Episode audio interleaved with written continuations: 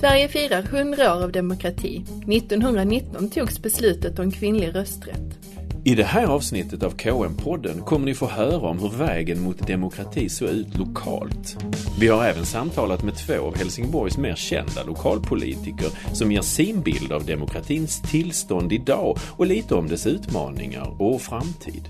Välkomna!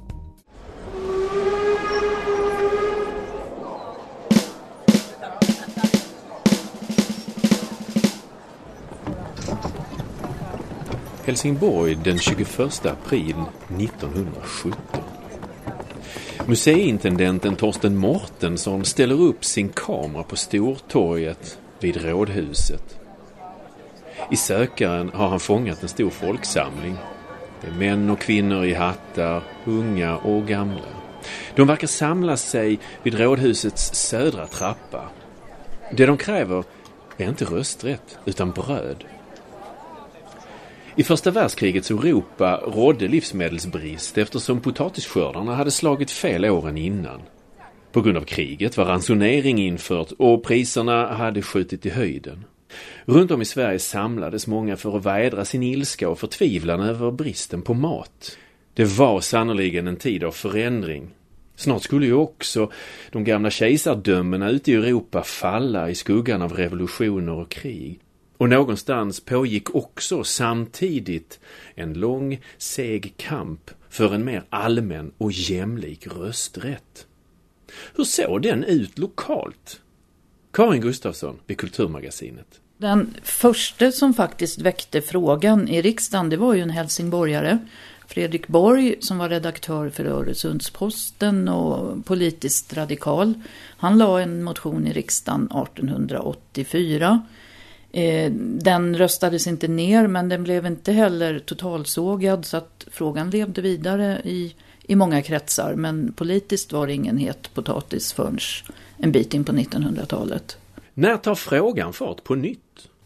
Det är ju en bit in på 1900-talet när det börjar formeras olika rörelser, inte bara individuella aktiviteter utan eh, framförallt kvinnor som organiserar sig och bildar en förening som heter Landsföreningen för kvinnans politiska rösträtt och som får lokalavdelningar på väldigt många platser, bland annat Helsingborg. Vilka var det som drev frågan i Helsingborg? Eh, det var ju ett antal eh, kvinnor, bo, framförallt ur borgerskapet, eh, där Kristina Borg, som då var änka efter Fredrik Borg, eh, blev ordförande i den här föreningen. Eh, sen var det lärarinnor, en läkare. Eh, den kategorin personer som, eh, som stod för den här föreningen, som utgjorde styrelse och som arrangerade olika aktiviteter. Vad kunde en aktivitet vara? Eh, ett offentligt möte med någon ganska välkänd, kanske författare, debattör som drog väldigt mycket folk och man värvade medlemmar och ett sånt här möte kunde ha upp mot 300 personer som kom, som kom och deltog och det är ju oerhört mycket i en då fortfarande ganska liten stad som Helsingborg var. De som startade den här föreningen eh, det var liberaler och socialdemokrater. Och Kristina Borg var ju eh, förknippad med en radikal rörelse eftersom hennes man hade varit radikal och Öresundsposten stod för en radikal linje. Så att Helsingborgs Dagblad eh, skrev ju och varnade för den här föreningen, att det var, det var bara för socialdemokrater. Och då fick föreningen gå ut och göra en dementi och tala om att de tog inte politisk ställning utan det var rösträttsfrågan som sådan som eh, de ver verkade för. Var det bara kvinnorna som drev kampen? Var var männen? Eh, det fanns ju också män som arbetade för att kvinnan skulle få rösträtt. Och den här föreningen som hette Landsföreningen för kvinnans politiska rösträtt hade bara kvinnliga medlemmar men det fanns en motsvarande förening där män kunde gå med. Och i Helsingborg så var Axel Svensson, som också var knuten till Öresundsposten, var en som stod bakom den föreningen. Men när fattades då ett beslut om att kvinnor skulle få rösträtt? Ja, det var inte vid ett enda klubbslag utan eh, man kan beskriva det som en flerstegsraket. Men i december 1918 då fattade man beslut om att kvinnor skulle få rösta i kommunalval. Och i maj 1919 eh, så röstade man om att kvinnor också skulle få rösta i riksdagsval. Och det märkliga är ju att kvinnor kunde bli invalda i en kommunal församling innan de själva hade rösträtt. Så Helsingborg hade ju en kvinnlig stadsfullmäktigeledamot redan 1913 som hette Sara Thåström. Eh, men det var först efter 1919 som kvinnor kunde rösta fram andra kvinnor. Och i, i början så var det ju nästan bara män som satt i de kommunala församlingarna. Men eh, upphörde alla aktiviteter i de olika eh, rösträttsföreningarna när väl rösträtten hade införts? Ja, i den, den renodlade rösträttsföreningen, den la ju ner. Eh, men många andra föreningar som hade stött den här kampen, till exempel Fredrika Bremer-förbundet, där fortsatte man ju arbetet på olika sätt. Och till exempel så fanns det en person i Fredrika Bremer-förbundet i Helsingborg som hette Signe Wennberg. Hon arrangerade diskussionsklubbar, eller en diskussionsklubb inom ramen för Fredrika Bremer-förbundet. Eh, där man hade i princip studiecirklar i hur det gick till i det parlamentariska livet. Och där eh, bjöd man in kvinnor som i fick spela rollspel. Man iscensatte ett kommunalt sammanträde. Man övade sig på hur det gick till. Och man lärde sig vad är en motion, vad är en interpellation. Vad ska ordföranden göra? Vad ska ledamöterna göra? Sådana saker. Så att kvinnorna skulle komma ikapp männen som ju hade ett långt försprång. När kom kvinnorna ikapp? Ja, 2000 någonting kanske. Mm. Men Karin, har vi verkligen haft hundra år av allmän lika rösträtt? Nej, riktigt lika har det ju faktiskt inte varit. Den som satt i fängelse fick inte rösta. Eh, det var först 1937 som de som var intagna på fängelser fick rösträtt. Och inte förrän 1945 gällde det också de som fick understöd från fattigvården, alltså det som vi idag skulle kalla socialbidrag. De ansågs inte betrodda med rösträtt förrän eh, alltså 1937 och 1945. Och sen dröjde det till 1989 när begreppet omyndigförklaring togs bort som den som hade någon form av kognitivt funktionshinder fick rätt att rösta.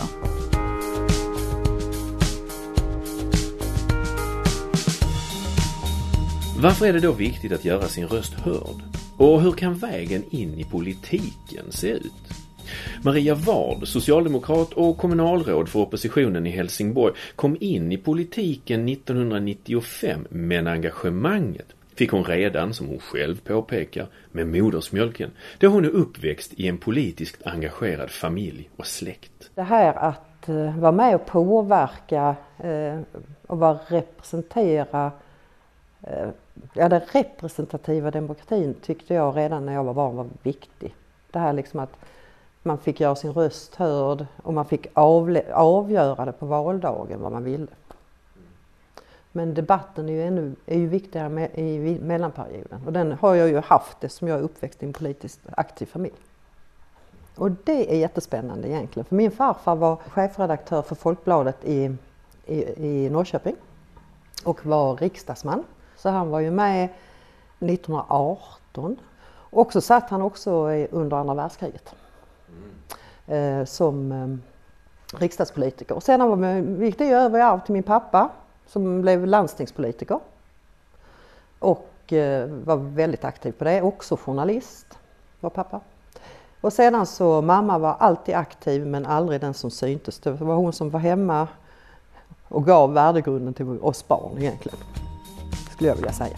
Mats Sander, moderata kommunfullmäktiges ordförande i Helsingborg, som barn i en småföretagarfamilj fick han många intryck av vardagens realiteter och svårigheter. Men det var just en fråga som gjorde att Mats klev in i politiken. Beslutet att stänga ner flygflottiljen i Ängelholm blev starten. Det var startskottet, mm. hösten 99. Jag kände mig lite uppgiven och det kändes lite hopplöst att, att trots att det var så, fanns så många som jag tyckte logiska beslut att inte eh, fatta beslut om att lägga ner flottiljen så gjorde man det i alla fall. Mm. För att det fanns en, en, en riksdagsmajoritet för det. Så hur, gör jag, hur förändrar jag på riktigt? då måste du engagera dig i politiken. Och det var sommaren 2000. Och det där klurade jag på ett helt år tills jag då bestämde mig för att eh, kolla hur det där funkar egentligen. Hur funkar politiken egentligen in, inifrån? Mm. Så jag letade upp Moderaterna i Helsingborg, tog reda på var de fanns någonstans och så gick jag dit och ringde på dörren. Så hej, jag heter Mats, hur gör man för att bli medlem? Och då blev eh, hon som tog emot mig när jag mötte mig där väldigt överraskad men samtidigt glad. Eh, jag fick en kopp kaffe, eh, ett långfika, en timme ungefär. Medlemsavgift, inbetald, ett medlemskort och medlem där då. Jag hade ju inga stora förväntningar och jag visste inte vad som skulle vänta mig. Då. Jag förutsattes vara med varannan vecka på, på, på ett möte på Moderaterna. Då. Första gången jag gick dit så var jag ganska tidig och eh, gick in i den här möteslokalen och där var det, satt det namnlappar, låg namnlappar på, på bordet. Så jag gick och kollade vad min var och så upptäckte jag att det fanns ingen namnlapp till, till mig då. Så frågade jag var ska jag sitta? Ja, ni som inte sitter i fullmäktige, ni får sitta längst bak. För det är, det är fullmäktige, de som är invalda i fullmäktige som sitter längst fram och då med bordsplacering i invalsordning då. Okej, okay. mm, så satt jag där längst bak. Jag hade väldigt lite kunskap om, om hur politiken fungerade överhuvudtaget. Så det, det var väl där de första intrycken kom, hur det funkade, hur beredningsprocesser fungerar och, och sådär. För hundra år sedan höll Signe Wennberg studiecirklar för att lära kvinnorna ta plats. Hur går det till idag när man ska lära sig hantverket? Nu kommer jag ju från den rö sidan av rörelsen där vi verkligen har trimmat det här. Alltså om vi tittar på fackföreningsrörelsen och eh, socialdemokratin. Alltså vi har varit väldigt duktiga på det formella eller hur man leder möten och hur man förankrar. Det är, eh, ungdomsförbunden gör det. Jag gjorde min första kontraproposition uppe på vår förbundsskola i SSU, Bommersvik eh, 1900, vad kan det vara, 73 var det 14 år. Och det var om vi skulle ha gula eller röda väggar. Men eh, jag läste ju lite grann om eh, Signe, ja, hur hon fick ihop kvinnor för att hur man hanterar i, i nämnder och styrelser och jag tror att det är jätteviktigt. Nu får vi ju det med förtroendemannautbildningar men inte det här med ordförandeskapsrollen, hur man hanterar beslutsgången. Och det är viktigt. Det har man med sig från sin partiorganisation. Och det är ju en bildning. Och det är kanske dit vi behöver komma mer. Allt handlar inte om utbildning utan det är en bildningsresa genom livet. Att lära sig. Och det lär man ju ofta, eller så nu, ungdomarna som är inne i partiet och så, de har ju oftast oss som är seniorer nu, att liksom, man har ju alltid en förebild. Jag hade en förebild i, i Helsingborgspolitiken när jag kom in som jag lärt mig jättemycket av och det är Uno Aldegren. Eh, hur man hanterar ordförandeklubban, hur man liksom, så här man lär sig när man sitter i situationerna också. Så det är viktigt och det är ju bildningsresan. Moderaterna i Helsingborg startade upp eh, ett utbildningsprojekt 2003-2006 eh, som heter Framtidens ledare. Så där var det både den informella utbildningen, alltifrån en grundbasutbildning av, av ismerna, liberalism, konservatism, men även att man gluttar på alla, till, eh, till, till pressträff, till eh, klubbar, möten, till eh, känna på allt, en liten palett av alltihopa. Då. Så jag, jag har fått utbildning. sen, sen tar det tid. Eh, så småningom när jag var, eh, skulle sitta och klubba möten så att säga, som kulturnämndsordförande i Helsingborg så var jag ju väldigt dålig på det i början. För jag hade ju ingen erfarenhet alls av, utav det. Att ställa propositionsordning och, och så på ett slutet sammanträde där bara nämndens ledamöter och, och några tjänstemän deltar. Så det, var ju, det fick jag ju lära mig där och då. Mm. Och sen inför att jag skulle vara fullmäktiges ordförande i Helsingborg 2014, då blir det ett öppet sammanträde som livesänds och dokumenteras och, och, så. Inför 100 personer som sitter i salen. Inklusive media som, som också följer mötet. Då. Det blir, det blir en annan känsla då. Då fick jag ju träna lite mer före och, och sådär. Det känns bra. Det kändes, det, ja. Mm. Jag tänker inte så mycket på det längre. En ny plattform för demokratin är den digitala.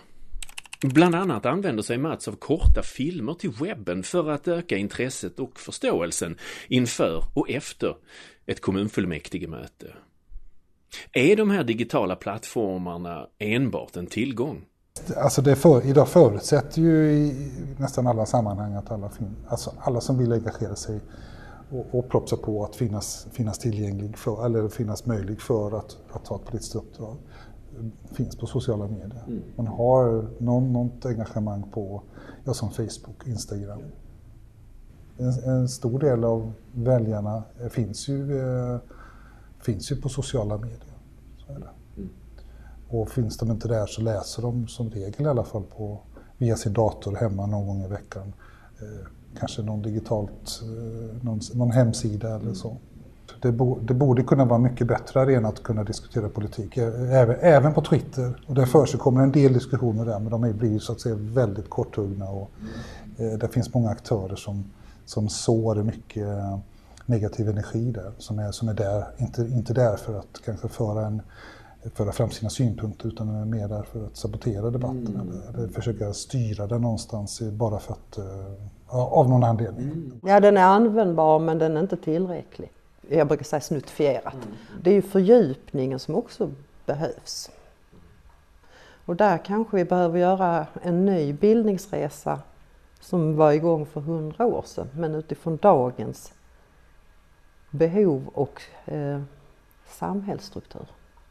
Och att få igång det, det är inte så lätt men jag tror vi måste börja de diskussionerna.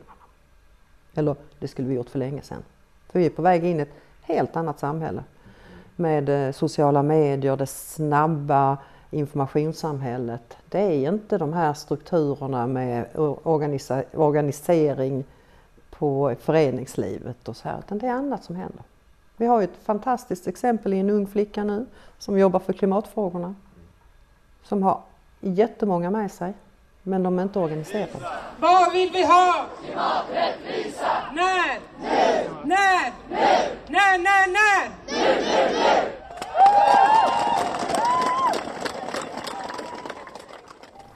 Ofta finns det en anledning till att människor engagerar sig i politiken.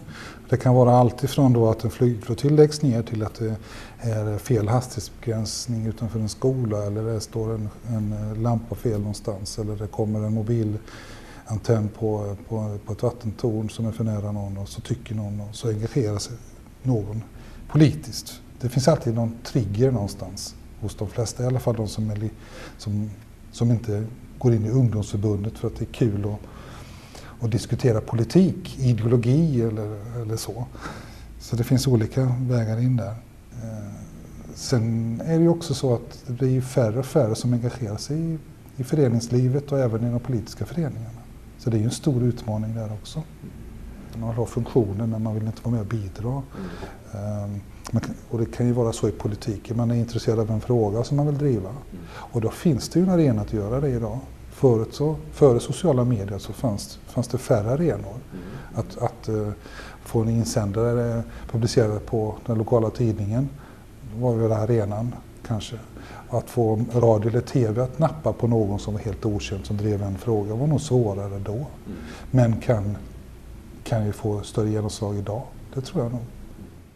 Hur man hittar de där nya formerna. Det krävs ju faktiskt att de som är mitt i det hittar de formerna själva. För det var ju så egentligen demokratin växte fram. Att det blev ett, alltså folk blev trötta på sin situation, man ville vara med och rösta, man ville inte ha eh, alltså att man hade de olika stånden och så här. Så att vi behöver ju ha tillbaka det så att det faktiskt kommer från, får rötter och växer ner i myllan för stabiliteten för framtiden. Hur ser vi till att Sverige är en demokrati om hundra år? Det är många som får ta ansvar ur olika perspektiv. Det är klart att politiken måste ta ansvar för att alltså, berätta om hur det funkar. Alltså jag berättar om hur det funkar i fullmäktige Helsingborg. Mm. Eller hur jag upplever att det funkar. Och vad vi fattar beslut om. Det, det, det, liksom, det, det blir mitt sätt att bidra till, vad ska man säga, att öka intresset för att, att fler kanske tittar på webbsändningen, att fler kan få gå in efteråt och där man är kapitelindelad, man kan följa ett ämne bättre. Att läsa handlingarna och kanske läsa, läsa, till och med läsa beslutsprotokollet eller någonting sånt där. Alla vi som eh, tror på demokratin måste vara demokratiambassadörer varje dag. Hur är vi det då? Genom att prata demokrati, alltså att eh, vi alla är en del i ett samhälle. Det är inte vi eller dem. Det blir ofta så, ni politiker och vi vanligt folk. De flesta som är politiker har ju sitt jobb, går till jobbet varje dag och sen ägnar sig åt politik på sin fritid. Allt är ju politik, alla tycker någonting. Så är det bara. Om det är så i skolan eller äldreomsorgen eller var man befinner sig i livet så är, har man ju en åsikt. Och det är ju jättekul och bra men också att tänka på att det här är faktiskt en demokratisk rättighet som jag har som jag kan vara med och påverka också. Det målas ibland upp en, en bild av politiker som, som, den, som, som, kan vara en del av politiska företrädare. Men som inte, absolut inte omfattar alla, utan mm. kanske mer ett undantag. Och om man målar upp den bilden tillräckligt många gånger på grund av tillräckligt många politikers misstag eller dåliga beslut eller, eller så, så blir det ju ett slags sanning då. Att så här funkar politiken. Att um, att politikerna är högavlönade eller högarvoderade och eh, tar konstiga beslut och bara smörjer sig i sitt eget krås. Eller, det finns massor med nidbilder då, hela tiden. Eh, det blir inte lättare och lättare att, och engagera människor att, att lägga sin fritid på att vara politiskt engagerad. Det blir bara svårare och svårare. Och det, kommer man in i en sån ond spiral så att det blir svårare och svårare så blir det ju det blir kanske svårt till slut att engagera goda krafter också i politiken. Det, det, är ju demokratins baksida blir ju, är ju där. Så hundra år framåt, så demokratin är ju någonting som behöver... Det är ingenting som man gör för en hundraårsperiod utan demokratin måste levas varje dag och ifrågasättas. För att vi ska liksom inte glömma bort det. Vi kan inte ta det självklart. Den är skör. På väggen i Mats arbetsrum på Rådhuset hänger en stor oljemålning. Den föreställer rösträttsförespråkaren Kristina Borg. Mats, vad tycker du om att ha ett så högtidligt sällskap under arbetsdagen? Alltså hon hänger, hon hänger där för att hon, varje gång jag öppnar så ser jag henne. Eh, jag, och då blir jag påminn om, om, eh, om henne och det hon gjorde, alltså det hon stod för och det hon jobbade för tillsammans med sin man också, som också var väldigt engagerad i det, långt före mm. det var aktuellt att män skulle hålla på med att tycka att kvinnor skulle ha rösträtt. Mm. För mig blir det en påminnelse om det. Mm.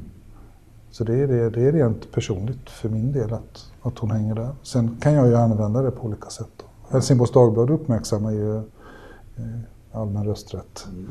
och eh, just Kristina Borg och frågade om de fick lägga ut en bild på, på talen, på målningen. Då. Och klart så fick det. Så jag fotade henne och så mejlade jag den till dem. Jag blev jätteglad att de ville uppmärksamma henne.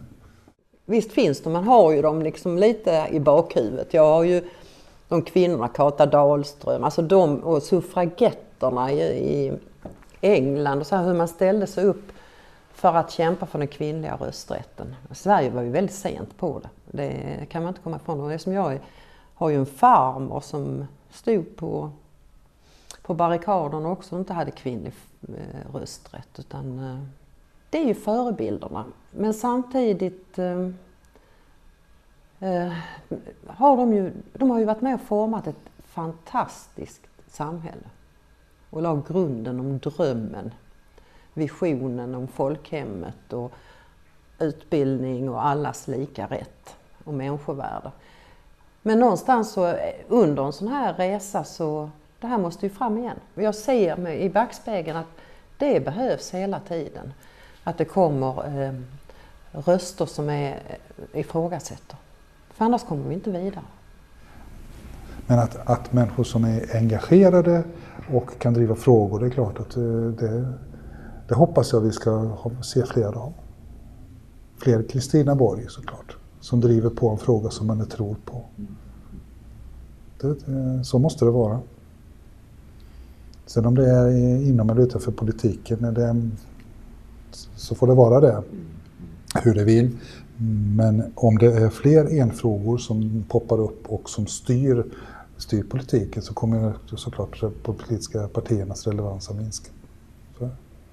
Då kommer det att bli färre och färre som vill vara med för då påverkar ju ändå ingenting.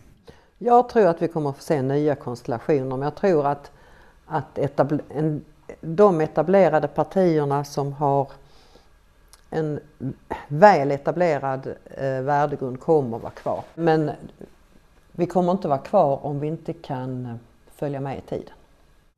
Rösträttsfrågan var en fråga som gick över partigränserna. Finns det någon fråga som även gör det idag? Att hålla extremisterna borta från det svenska etab politiska etablissemanget. Jag tror att eh, den frågan kommer vara aktuell väldigt länge över eh, olika partigränser. Kunde du föreställa dig att den frågan skulle kunna bli aktuell för låt säga 20-30 år sedan? Nej, den var ju väldigt långt borta men sen kan man ju prata om olika, alltså det fanns ju redan på den tiden vi hade KFMLR och SK, alltså olika, men det var ju på kommunistsidan. Mm. Högersidan har det ju inte varit så mycket om man, eh, men de har ju funnits där. Mm.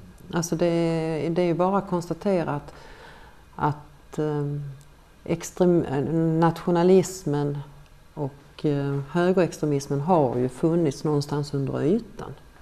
Men att det skulle bli ett parti, alltså att det skulle bildas parti ur de här rötterna som sedan också skulle ta plats i riksdagen och också ta över kommuner som det ser ut nu i Skåne. Det är väl inte det jag trodde för 20-30 år sedan. Nej. Nej. Nej. Och därför är demokratifrågorna ännu viktigare än någonsin. För hundra år sedan så kämpade man för lika rösträtt. Men vad ska vi kämpa för idag? Ja, för att behålla den. Att slåss för demokratin, att slåss för fred och frihet. Vi ser ju att det är inte givet. Det är någonting som, som vi tar för givet idag. Det var inte givet för 100 år sedan, 200 år sedan. Och det pågår ju hela tiden. Vi håller ju själva på att rusta för, för oroligheterna eller de, det som finns runt omkring i vårt geografiska närområde. Hur Ryssland agerar, Krim och sådär. Hur de placerar ut sina robotar i Kaliningrad och som, sådär. Det påverkar oss jättemycket. Så vi måste stå upp för det. För det. Alltid. Och det blir ju ett sätt att göra det, är ju att engagera sig i politiken också. Att hålla demokratin vid liv. Så jag hoppas att vi kan utveckla vår demokrati. Hur? Ja, det vet jag. Det får Det är när jag hänger på väggen som Kristina Borg där. så pekar de, han, han trodde i alla fall att så. Nej, hon hade säkert en, en uppfattning om att, att det, det, var ingenting som var givet i alla fall. Och det tycker jag vi ska bära med oss allihopa. Det där måste vi stå upp för. Det var KM-podden om demokrati. Vad tar du med dig av detta Pelle? Nej men då tar jag med mig eh, att vi står här och, och resonerar och diskuterar runt det faktum att vi har haft demokrati i det här landet i hundra år. Vi har haft lyxen att ha demokrati i det här landet i, i hundra år. Men det är ju faktiskt som så att, att samtidigt här och nu så finns det hundratusentals människor på den här planeten som inte har möjlighet att gå till några valurnor och, och lägga sin röst. Vad tar du med dig? Jag tar med mig att eh, det har varit en kamp för att vi kvinnor ens ska få lov att rösta. Och det är bara hundra år sedan, det är egentligen inte jättelångt tillbaka. Mm. Men att det, var, det har varit en kamp för många för att få den rätten. Och den rätten borde alla använda idag tycker jag. Att man mm. tar vidare det arvet och lägger sin röst och påverkar. Mm. Vad handlar nästa avsnitt om? Du, jag vet inte, men det kommer snart.